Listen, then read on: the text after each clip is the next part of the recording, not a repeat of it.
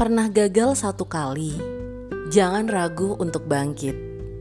Gagal lagi, bangkit lagi dua kali lebih banyak.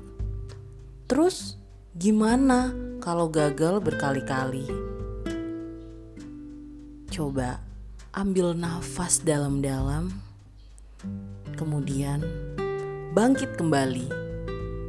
Satu hal yang casis juara harus tahu gagal setelah berusaha semaksimal mungkin itu nggak apa-apa.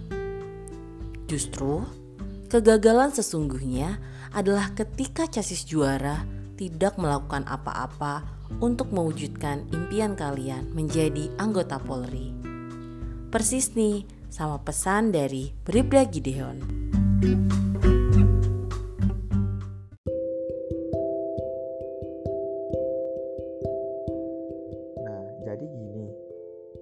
Ada sebuah kalimat yang selalu kakak pegang sampai saat ini. Nah, kalimatnya gini. Banyak orang yang tidak bertindak karena takut gagal, padahal tidak bertindak adalah kegagalan yang jelas sudah terjadi.